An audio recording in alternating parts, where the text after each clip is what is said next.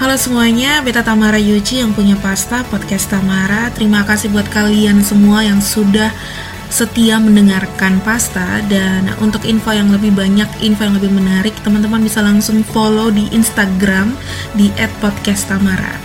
Anyway, teman-teman semua selamat mendengarkan di episode yang baru ini.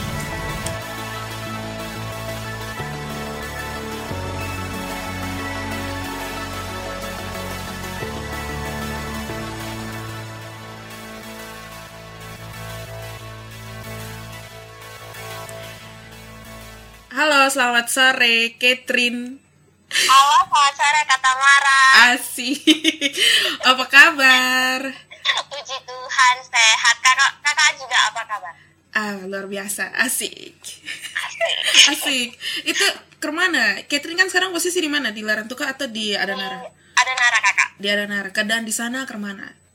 Eh, untuk kami sendiri, untuk wilayah Kabupaten Flores Timur, yang positif sudah dua orang. Ya. Dua orang itu klaster Lambelu dengan klaster Goa. Tapi untuk sejauh ini belum ada transmisi lokal, Kak. Dan mudah-mudahan jangan sampai ada Jangan, transmisi jangan. lokal sih. Mm-mm. Mudah-mudahan. Orang-orang di sana ke mana? Kayak menghadapi ini situasi kayak gini dong biasa sah atau memang Bisa dibilang orang-orang di sini sih untuk dalam patuh betul-betul patuh sih belum terlalu kak karena contoh kecil saja ke mana-mana untuk pakai masker saja itu masih sangat susah ditemukan di sini Oh, cuma kayak hmm. kalau eh, tapi pemerintah sudah mengupayakan cukup bagus sih kak misalkan pelayaran eh, apa penyeberangan dari Adenara ke Larantuka itu kan kalau lewat jalur Tanah Merah Pantai Palo Hmm. pakai kapal motor yang kecil tuh kak Hah. itu biasanya kan satu motor itu bisa 8, 10, 12 orang tapi sekarang wajib dibatasi empat orang itu maksimal Wih, empat orang tuh maksimal dan, ya? dan itu memang beberapa kali sempat ditutup kak Ber- Ah. ditutup secara berkala Eh, minggu ini misalnya ditutup terus minggu depannya dibuka tapi sekarang memang sudah dibuka secara betul-betul dibuka sih cuma Iya, dulu iya, iya. sempat penyeberangan itu dibatasi sekali hanya untuk orang-orang yang sakit yang diizinkan untuk ini Oh, jadi kayak kayak situasi yang darurat begitu baru dong buka waktu itu Enggak, yang Kak, kemarin. waktu itu waktu pertama kali eh, pasien positif COVID-19 pertama di Flores Timur mereka langsung batasi akses Ah. dari Adenara ke Larantuka Hmm, hmm, hmm. BTW tadi kan lu bilang ini apa le tadi? Itu patuhan. Di Kupang Iya. juga sama sa.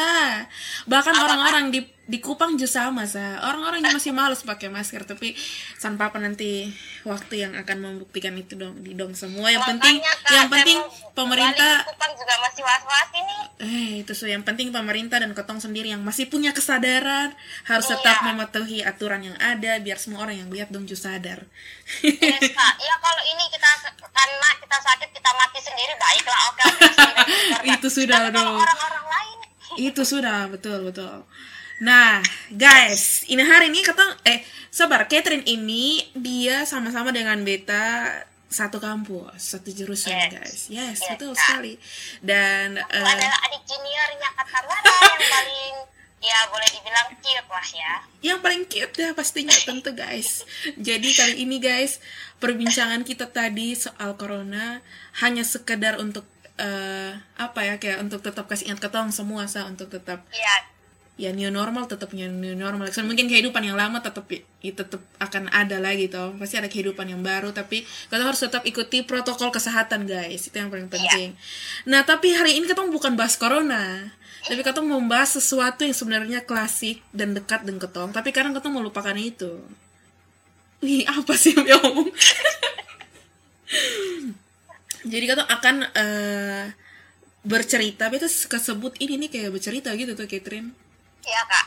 bisa sebenarnya panggil lu Catherine, Katarina atau apa nih? Eh boleh terserah kata Mara, Catherine, Katarina, Katrin, mana saja. Wih, lu tahu. Oke oke oke oke Catherine kayak um, ketong akan bercerita soal self love. Wih Yes. asik self dan love. Sebenarnya dari dari untuk ketong memahami ketong pun diri sendiri itu sebenarnya ada ada tingkat-tingkat kesulitan tersendiri ya. Iya Kak. Kalau dari Catherine sendiri ke mana? Kayak untuk memahami diri sendiri. Eh, Oke, memahami diri sendiri itu memang kalau menurut saya kita semua pasti tidak akan pernah tuntas untuk memahami diri sendiri karena memang diri sendiri itu bisa dibilang oke lah teman terbaik tapi di sisi lain juga adalah musuh terbaik. Kalau Hmm. saya kak, Ya. saya itu eh, sampai di titik ini satu hal yang paling saya tidak mengerti tentang diri saya adalah mood swing. Apa tuh? Mood swing? Uh, perubahan mood yang sangat drastis Oh, mood yang swing, sangat, ah. uh, apa ya namanya? Pokoknya perubahan moodnya itu tiba-tiba dan naik sangat, turun. drastis gitu kak tiba-tiba. Dan itu terjadi dalam waktu yang bukan hari ini baik besok jahat hari ini baik besok jahat. No dalam satu hari bisa tiba-tiba senang tiba-tiba uh, moodnya berubah jadi jadi jelek gitu. Heeh. dan ah, jadi uh, untuk kalau saya secara pribadi memang satu hal yang sangat sulit saya kontrol sampai hari ini hari ini adalah mood swing tadi itu perubahan mood itu kak Mm-mm. dan kadang-kadang kala ya walaupun saya memang sekarang sudah mulai belajar untuk uh, sangat-sangat bodoh amat sama omongan orang Ya, tapi ah. kadang-kadang itu juga menjadi salah satu persoalan saya dengan diri saya sendiri kak Hmm. Nah tadi kan sempat singgung soal ini apa leh eh, omongan orang lain.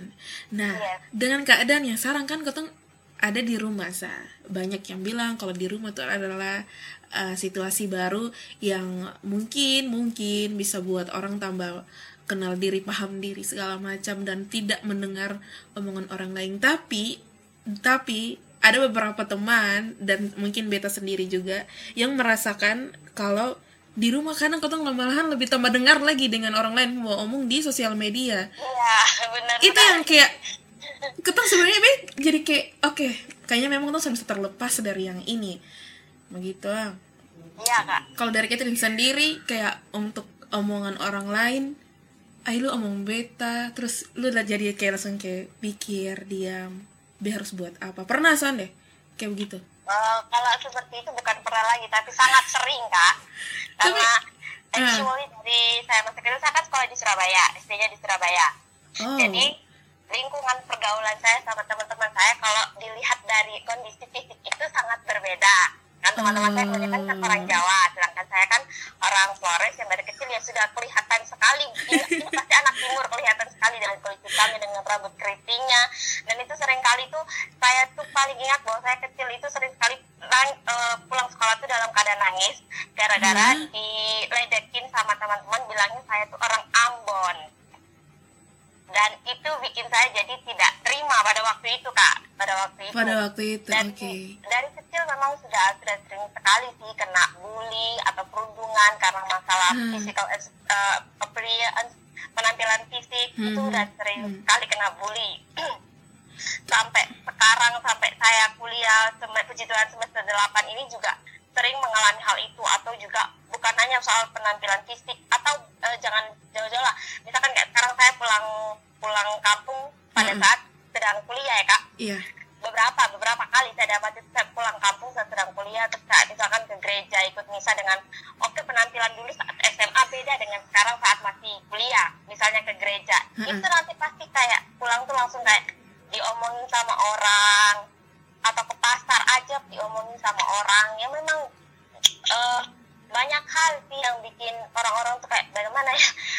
Kadang-kadang kala saya tuh juga bingung gitu kak. Kayak gimana caranya supaya saya melakukan sesuatu yang Hmm. orang lain tidak perlu mengomentari karena this is kan this is my life. Jadi saya mau buat apa saja mau rambutnya diapain mau bajunya diapain so itu sebenarnya eh, hak saya sebenarnya. Cuma ya kadang kala sakit hati sih kak. Sakit hati tuh pernah banget banget banget. Karena dulu waktu saya eh, bukan dulu semester semester semester semester awal Hmm. kan rajin banget ikut organisasi itu kak. Iya iya.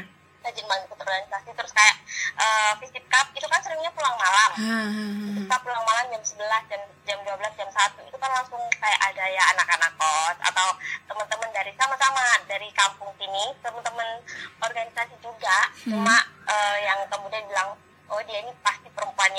ya nggak iya, tidak- iya. tidak baik karena sering Hmm, pulang, pulang malam, malam. itu Hmm. sering kadang kalau memang tidak bisa pulang kos kan tidur di sekretariat organisasi Hmm. atau tidur di kos teman itu Hmm. juga nanti pasti mereka bilang Hmm. oh dia ini tukang tukang jalan tidak bisa diam, Tidak diam. apalah Hmm. begini begitu gitu sih kak Mm-mm.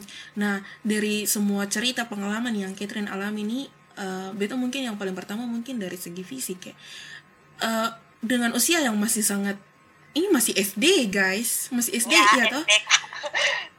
Eh, eh, itu bagai oke pulang menangis terus kayak apakah eh, langsung eh, melaporkan di orang tua atau mungkin kayak punya pemikiran tersendiri atau memang let it go sah atau apa Iya, pada waktu itu memang lapor sih kak, lapor si eh, lapor ke orang tua. Cuma Mm-mm. karena memang kami kan memang eh, dalam keadaan minoritas oh dari segi oke eh, suku, suku ya agama juga. agama juga Eh, betul.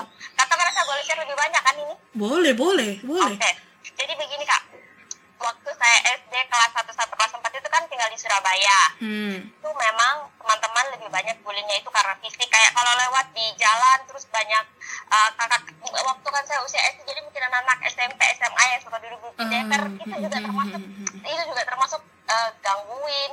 Ini kalau orang Jawa bilang hitam itu ireng kak, ireng. Jadi Ireng? kayak- ya, jadi Ireng? uh, ireng, kurang. elek, begitulah pokoknya. Elek itu apa? Elek itu jelek aduh kurang ajar dibully seperti itu. Terus kemudian kelas 5 SD kami sekeluarga pindah ke Kabupaten Pasuruan. Itu juga Mm-mm. di Provinsi Jawa Timur. hmm hmm Waktu itu memang pada awalnya saya tidak mau pindah sekolah kak karena yang saya bayangkan kalau saya pindah sekolah eh, bagaimana teman-teman saya di sekolah baru? Apakah juga mereka akan menerima saya seperti teman-teman saya di sekolah lama dengan kondisi yang memang sangat berbeda ini? Oke. Kalau di kalau di sekolah lama sih well saya dibully oleh orang-orang yang tidak kenal saya. Tapi untuk teman-teman saya sekelas teman-teman sebaya itu mereka tetap eh, dengan tangan terbuka mereka eh, bergaul dengan saya kan Kak. Eh, karena Mm-mm. mama saya kan waktu itu juga buka les privat. Jadi Oh. banyak sekali teman-teman saya satu kelas itu yang les di rumah jadi udah tahu Sudah kenal. keluarga kami sudah Hmm. kenal jadi sudah Hmm. sangat akrab dan eh, tidak ada yang namanya oh, oke kayak ejek-ejekan main-main gitu tapi yang Ah. untuk benar-benar bully itu tidak ada iya Nah, waktu kami pindah ke Kabupaten Pasuruan, ternyata kami tidak eh, kami lebih lebih lebih lebih apa ya dalam tanda kutip tersiksa lagi kak karena kami tinggal di lingkungan yang mayoritas itu muslim. oke Untuk Kabupaten Pasuruan ini kan salah satu apa ya eh, kayak markas gitulah. Ma- maksudnya populasi umat muslimnya tuh banyak, banyak gitu kak. banyak Nah, iya. Kabupaten Pasuruan itu ibu kotanya Bangil dan Bangil itu adalah kota santri. Oh. banyak. Jadi untuk kami akses waktu itu kami dari tempat tinggal kami ke gereja saja. Gereja paroki itu kalau dari ku pakai kak misalkan dari Penfui itu mungkin sampai di SMP 2 eh, SMP 2 terlalu dekat kak. Terlalu dekat terlalu dekat. Itu susah sangat jauh. Eh, ini alak. gereja yang besar di bawah tuh kak. Alak, alak. ke NBS oh ini gereja Betel Nan Hila? Nah itu itu itu. Ampun nih dari ujung pi ujung. sampai di situ. Itu gereja paroki kak. Kalau gereja gereja apa stasi ada tapi paroki lain gereja stasi itu mungkin dari Penfui sampai katedral mungkin.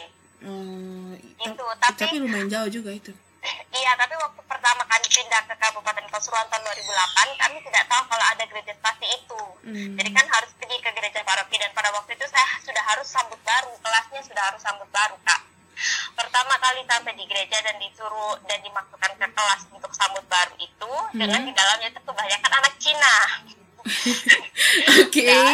Anak Cina dan kebanyakan sekolah di sekolah yayasan gereja di situ. Oh sekalian. Jadi kayak semuanya sudah saling kenal gitu terus Coba, tiba-tiba ah, saya ah, yang ah. ini anak dari dari mana? dunia ini dari mana? Datang Ya, di sini. mana tiba-tiba datang. Hah. dan jujur pada waktu itu hari pertama saya masuk eh waktu hari pertama mau masuk itu saya tidak mau kak. Saya bilang alasannya belum siap. Tapi karena emang tadi udah lihat kalau di dalam itu mereka sudah mulai eh, ngetawain kelas 5 SD ya kak jadi Oke. mereka masih ngetawain mereka masih bisik-bisik Iya, apa iya, iya, iya. ngejek-ngejek jadi Mhm. saya bilang saya belum siap jadi minggu depan dan memang betul selama waktu itu kan kami setahun kak kalau pembelajaran sambut baru itu setahun kalau di sini saya lihat ada yang sebulan dua bulan kalau kami di sana itu setahun. Jadi dari kelas 5 SD sampai kelas 6 SD baru kami bisa, bisa sambut baru setiap hari minggu. Jadi setiap hari minggu itu saya akan bangun tidur dan berpikiran bahwa aduh hari ini saya harus menghadapi satu lagi. Ah, ah, eh, ah. Itu- yang itu lu- disaster. Itu perasaannya ke mana? Kayak kayak pasti kan kayak su mama bilang pasti mama bilang begini sudah pergi saja dong baik. Iya. pasti tak Iya, iya kan? nah itu dari diri sendiri menurut beta kelas 5 SD mungkin sebisa itu kayaknya anak bisa berpikir lah. Eh, saya nangis sih kak. Karena waktu waktu kecil itu kalau saya di diapain sama orang gitu saya akan nangis di depan orang itu kak. Oh jadi saya nangisnya itu di depan suster. Habis itu Iya, ya iya, iya. ini tadi yang jadi uh, malaikat penolong Hmm, Jadi something like that. karena memang saya juga datangnya kalau saya tidak salah dua minggu pertama dua minggu setelah mereka sudah mulai kelas kak. Oh. jadi anak-anak di luar SD itu anak-anak di luar SD itu anak-anak sekolah negeri yang di tempat lain juga sudah gabung tapi kan saya terlambat paling terlambat. Jadi waktu itu suster yang jadi penengah gitu terus saya disuruh duduk paling depan. Karena memang waktu itu saya juga em, masalah dengan mata Oh, iya iya. Eh itu lu suka pakai kacamata itu? dari sampai ke kacamata dari kelas 5 SD kak Oh my god. itu langsung minus 4 Minus 4 kelas 5 SD. Iya, dan itu kacamata yang sangat tebal begitu kak. Kacamata yang sangat tebal jadi ya dan tebal dan besar jadi ya begitulah. Semakin kena bully lagi gara-gara itu. Tapi kepingin dengar dari Catherine. Pertama kali, itu ke- pertama kali kayak, Wih lu jangan ganggu-ganggu beta dong. Nah, kayak begitu.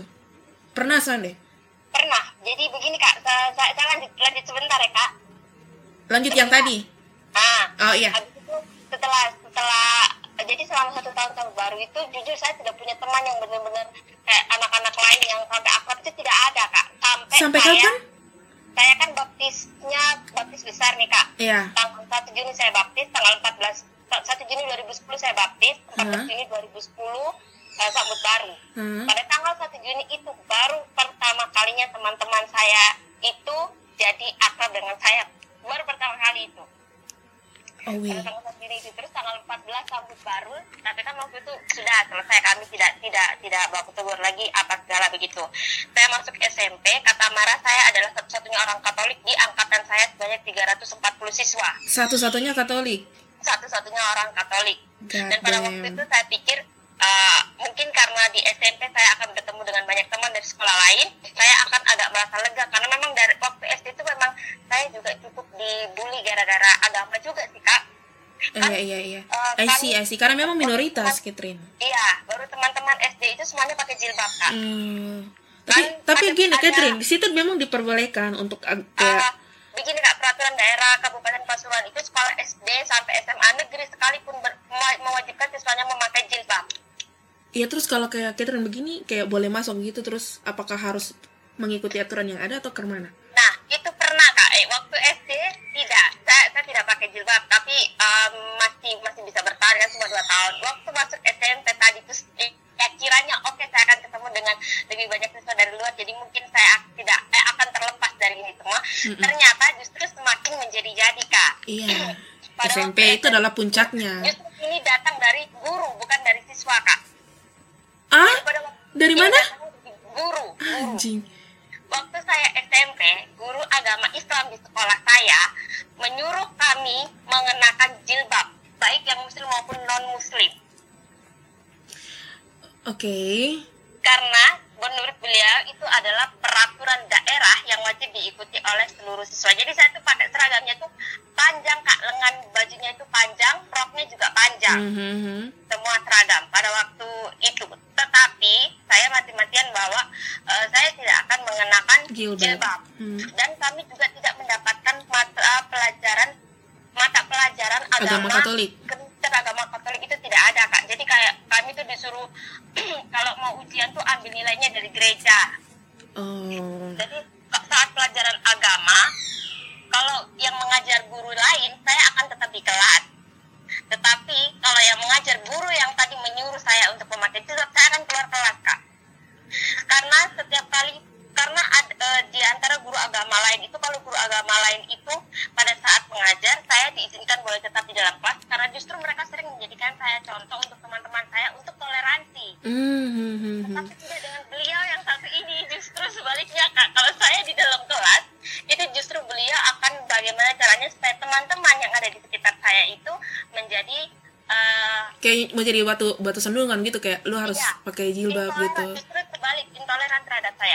saya bahkan Hmm. teman-teman ada juga teman saya yang pada waktu itu mohon maaf kata Mara saya harus bilang seperti ini teman saya Hmm. yang pada waktu itu kemudian dia bilang saya seperti ini Catherine mau tidak masuk Islam Iya. Mhm. kalau mau biar kami bantu catering karena eh, yang kami tahu kalau non muslim itu nanti kalau mati uh, tidak akan masuk surga, kafir dan lain sebagainya. Iya, iya, itu iya. teman saya sendiri, teman saya yang sangat akrab di kepramukaan sendiri yang bilang seperti itu kak.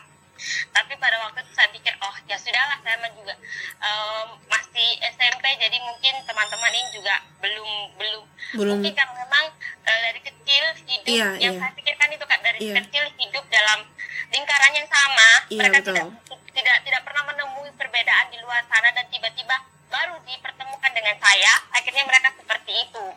Mung- mungkin kak. Iya. jadi waktu saya SD itu memang kan ada namanya mata pelajaran BTQ baca tulis Al-Quran. Aduh.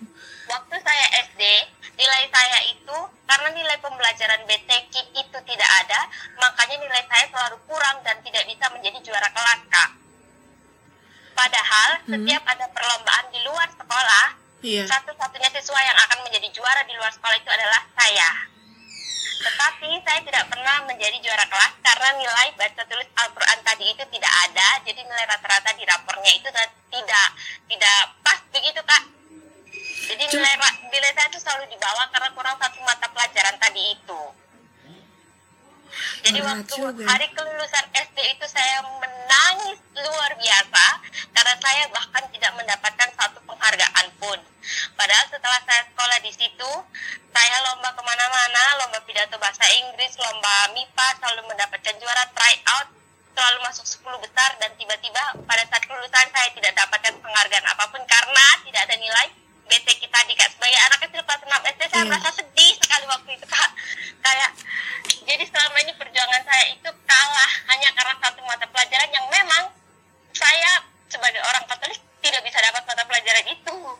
sorry eh, sebenarnya begini Kitrin ke mana bisa sampai di Surabaya terus ke mana kayak ya ke mana kok Kitrin bisa tinggal di sana apa Oh, karena oh, pekerjaan tidak. atau Orang tua saya merantau ah. Dari bulan Januari 98 iya. Merantau di Surabaya terus kemudian pada waktu itu tahun 2008 itu ayah saya dipindahkan dari tempat kerjanya ke Kabupaten Pasuruan.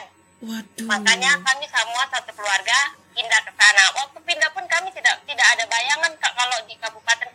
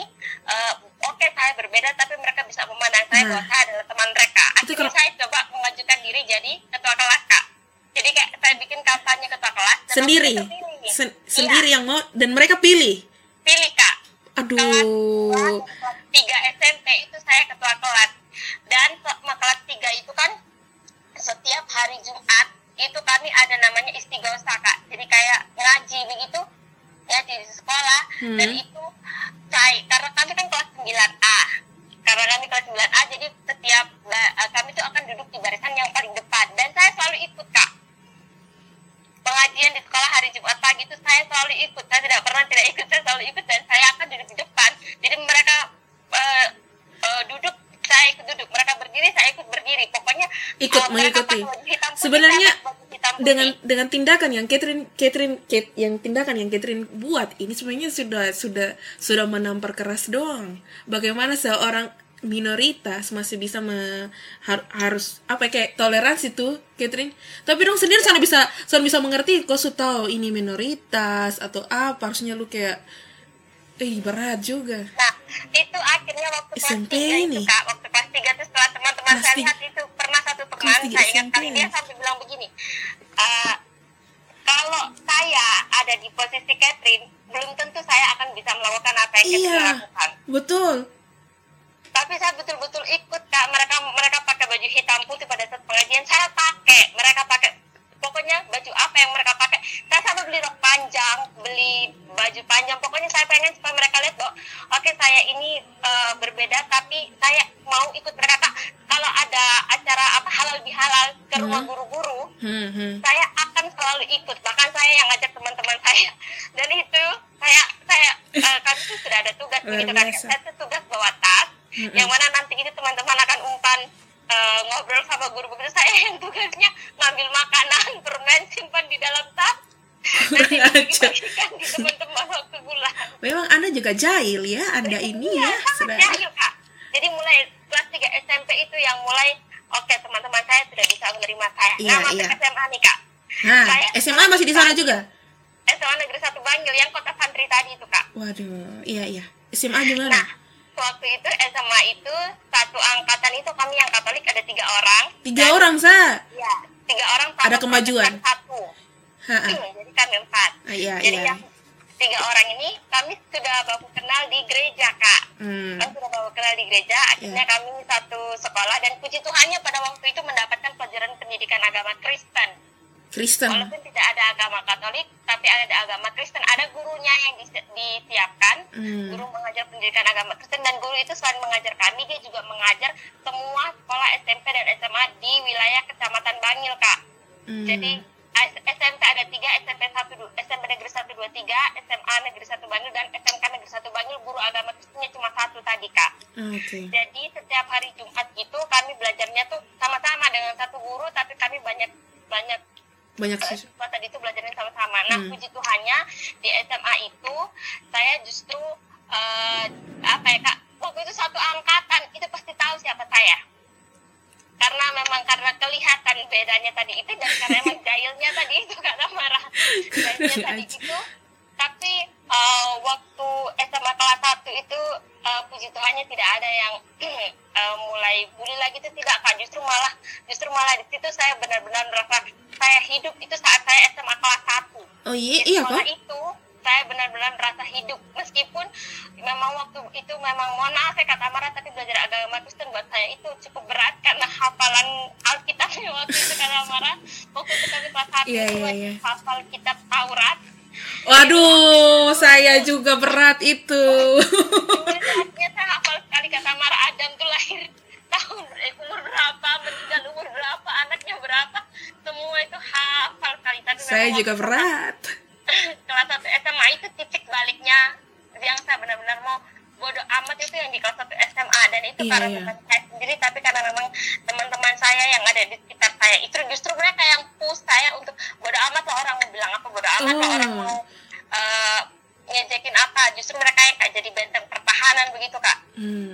jadi di sekolah itulah saya benar-benar merasa bahwa saya diterima dan saya bisa menjadi diri saya sendiri itu adalah saat saya masuk SMA itu. Setelah sebelumnya saya melalui hal-hal yang mengerikan pada saat SD dan apalagi SMP tadi itu kak. Hmm, Nah, teman-teman yang yang me- mendorong untuk Catherine itu adalah teman-teman yang tadi Catherine sebut eh, dari agama yang sama atau tidak. Dari- Kalau waktu itu di dalam kelas kalau puji Tuhan di dalam kelas itu saya tidak sendiri saya dengan teman saya yang protestan tadi kami sekelas iya. Nah, tetapi puji Tuhannya di kelas bahasa kami itu beberapa orang itu justru orang-orang yang open minded kak. Hmm, Salah satu betul. teman saya, sa- salah- ada salah satu teman saya namanya Vira, itu dia yang saat, saat itu dia yang betul-betul saya ingat dia yang justru dia yang membuka pikiran saya kak, saya harus gini, saya harus gini. Pokoknya dia yang kayak jadi kompas lah untuk da- dia dan di kebanyakan di teman di dalam kelas saya itu memang mereka mereka muslim balik kelas kami guru agama Islam kak balik kelas kami guru agama Islam tetapi beliau dan teman-teman itu justru yang memberikan ruang seluas-luasnya kepada kami untuk kami bisa tetap berkarya dan berkreasi tanpa dibeda-bedakan dari segi Iya. agama Dari segi-segi lain juga sudah tidak ada lagi. ya puji Tuhan dari segi-segi lain juga sudah tidak ada lagi kak justru hmm. justru malah teman-teman tuh kayak kayak apa ya kayak dulu saya kelas sama tuh kayak artis kak serius Jadi kayak oh berarti Beb Beb mengerti. Berarti di sini dong eh, melihat eh, perbedaan itu sebagai sesuatu yang menurut dong harus dihargai gitu. iya betul betul Iya, kak luar biasa. SMA itu yang mereka kayak Mhm. melihat saya unik nih tapi Iya. unik yang berharga bukan unik Iya. yang harus Harus no, dikucilkan. Iya, dengan waktu yang begitu sangat lama, terus ketika Catherine mulai um, di sini itu bisa dibilang menyadari dan akhirnya punya gebrakan baru atau ke ya, mana? Ya, iya kak, boleh.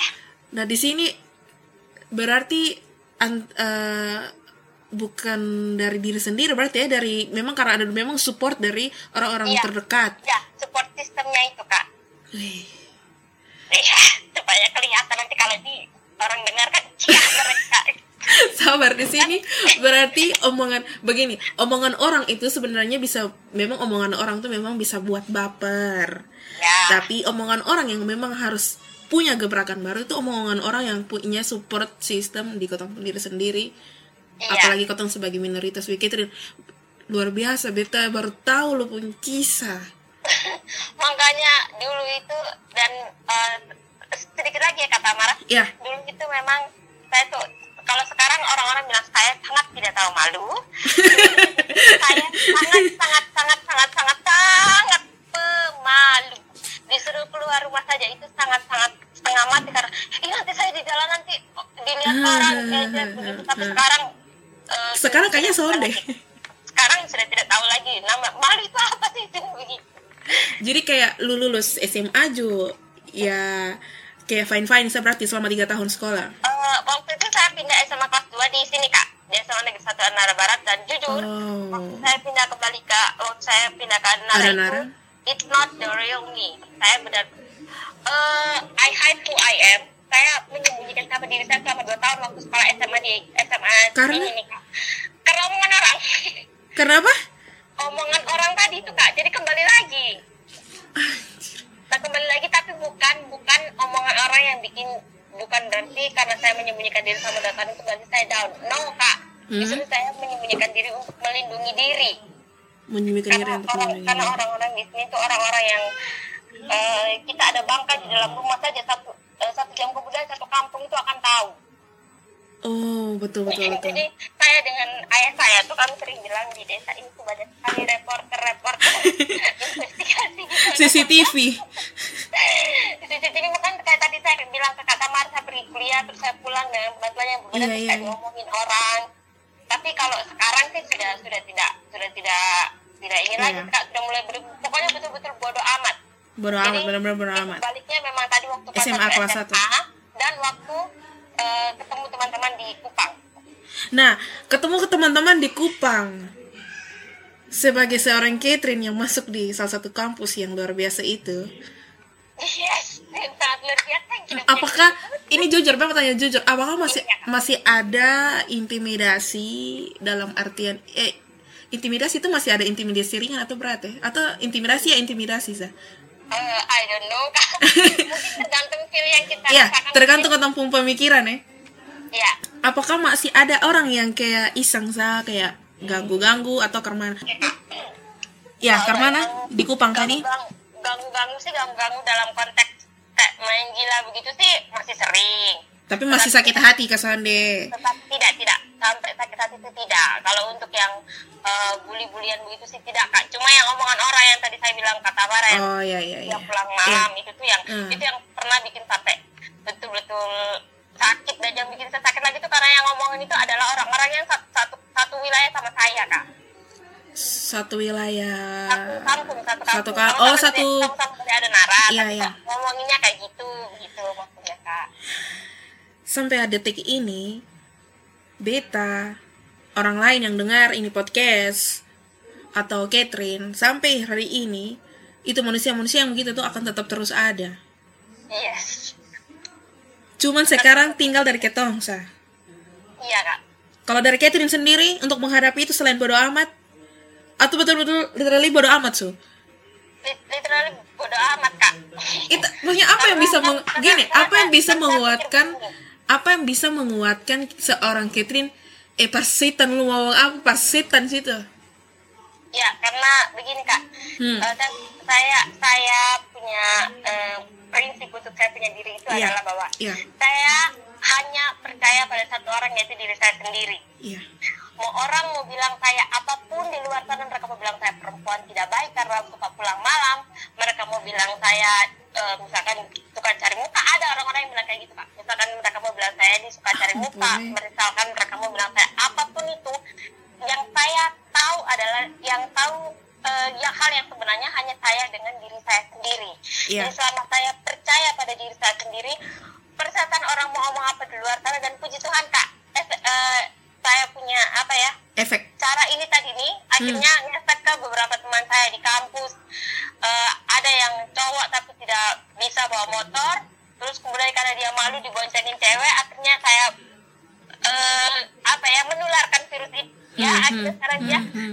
akhirnya sekarang dia ya tidak malu ke mana-mana kami jalan sama-sama meskipun dia harus dibonceng sama kami para cewek dia tidak masalah jadi benar-benar bodo amat dan saya percaya kepada diri saya sendiri kak jadi Mhm, mhm. boleh orang lain ngomongin saya apa pun di luar sana yang tahu hanya saya dan diri saya sendiri jadi selama saya dan diri saya sendiri saling mempercayai satu sama Iya. lain Mm-mm. tidak akan ada yang bisa membuat kami stay away hanya karena racun-racun dari luar kak Betul, betul, betul. Jadi di sini memang benar-benar eh, bagaimana kau harus punya kayak pegangan begitu toh? iya kak Iya, pegangan karena gitu kayak prinsip gitu. kan Hmm. saya nih kak Iya. Yang menjalani kan saya jadi kalau saya uh, Hmm, masih mempedulikan Omongan orang omongan lain. orang kalau saya masih sibuk sama omongan orang justru yang saya telah mem- memberikan ruang kepada orang lain untuk menyakiti diri saya kak Wah, betul. makanya dengan Betul. bodo amat tadi itu saya sedang mencoba untuk menutup akses bagi orang lain untuk siapa pun di luar sana tidak bisa menyakiti diri saya karena saya punya diri saya yang akan tetap melawan setiap orang yang akan menyakiti saya Asik saudara-saudara. Jadi guys, jadi guys, mencintai itu bukan cuma mencintai dia, sa, tapi mencintai lu pun diri sendiri itu penting. justru itu yang pertama kak Iya. Jadi jangan hanya omong cinta dengan dia, sa. Karena dengan lu pun diri sendiri lu su- su- su- mencintai lu pun diri. Kau sendiri kau belum. Kalau lu belum mencintai lu pun diri sendiri sampai kapan pun lu akan akan baper dari orang lain membawa omong. Iya tak? Iya benar dan Love yourself mau- dong. gimana kita mau mencintai orang lain gimana kita mau menyebarkan cinta ke orang lain kalau kita tidak punya cinta ke Lu- diri kita Cah. sendiri Lu pica, adek, lu pica. lu pica. Jadi jadi be be tadi be sampai tadi yang lu cerita yang yang dari awal tuh be kayak bilang aduh mati ini be harus omong apa lagi anjir be baru tahu dia pengalaman. Dari masih kecil sampai SMP dan dan itu waktu yang sangat lama apalagi lu tiap hari harus pergi sekolah. Lu tiap hari harus pergi sekolah. Tiap hari lu bangun pagi dan lu setahu be pergi sekolah pasti be begini. Tapi lu masih tetap mau menghadapi. Itu yang beta kayak wih luar biasa Kitrin. Ya kak dan puji Tuhannya. Puji Tuhan ya Tuhannya karena dari kecil kan saya eh, boleh dikatakan eh, berprestasi kak. Iya Dan betul. karena dari kecilnya kalau eh, saya sering lomba ke sana kemari sering Iya. dapat prestasi. Jadi sering kali kalau orang ngomongin saya secara fisik itu saya kayak menguatkan waktu masih kecil ya kak. Iya. menguatkan kepada diri saya sendiri itu adalah bahwa ya mereka boleh ngomongin saya seperti itu tetapi belum tentu mereka bisa mendapatkan apa yang saya dapatkan Iya pada betul waktu betul itu pada waktu betul. masih kecil Lu lu kaya akan suatu pengalaman yang sana semua orang bisa ada itu dalam itu pengalaman. Iya, dan waktu saya semester satu juga nih kak. Iya. Waktu saya semester satu setelah dapat omongan dari teman-teman saya yang tadi ngomongin saya Iya. eh, pulang malam itu akhirnya eh, waktu Natal 2016 Natal bersama. Natal pertama saya Natal pertama sebagai mahasiswa cie. Kode. Heeh, Natal bersama yang ketasan hadir tuh. Nah, lanjut. itu saya simpan piala yang saya dapat dari lomba itu di dalam plastik warna putih kak supaya semua orang lihat. lomba yang divisip eh lomba yang di oh saya bocor saudara-saudara lomba, apa ya? Lomba yang kayaknya lomba yang dengan ini eh eh 2016 2016 semester satu akhirnya bukan, bukan, bukan. itu pialanya Bikin lomba yang ya lu lombanya banyak coy masalahnya. Tapi setelah itu udah itu cuma sekali saja kak. Setelah itu saya pulang kampung kalau bawa piala saya simpan di dalam tas. Saya tidak pernah bawa tenteng di luar di luar lagi. Cuma waktu itu emang eh, kebangetan sekali kak hanya karena karena Kenapa lu- orang-orang Nah. yang ngomongin saya itu satu kapal dengan saya saya tahu kak. Karena kan beli tiket sama-sama jadi lu kayak kayak pegang pegang anjir pak. Bawa piala taruh dalam tas plastik putih. Kurang ajar sengaja sekali anda ya. Kurang ajar sekali saya pada waktu itu. Hanya hanya supaya orang lihat tadi itu. Tapi sekarang sudah tidak lagi kak. Hmm, iya iya. Namanya namanya dulu kan masih apa ya? On fire on fire. Ah berapi-api ya berapi-api lu punya ini. Tapi beta memang aku memang belum eh, sangat tidak bijak untuk melawan omongan orang dengan melakukan hal itu. Iya ya semua orang semua orang pernah ada dalam itu fase.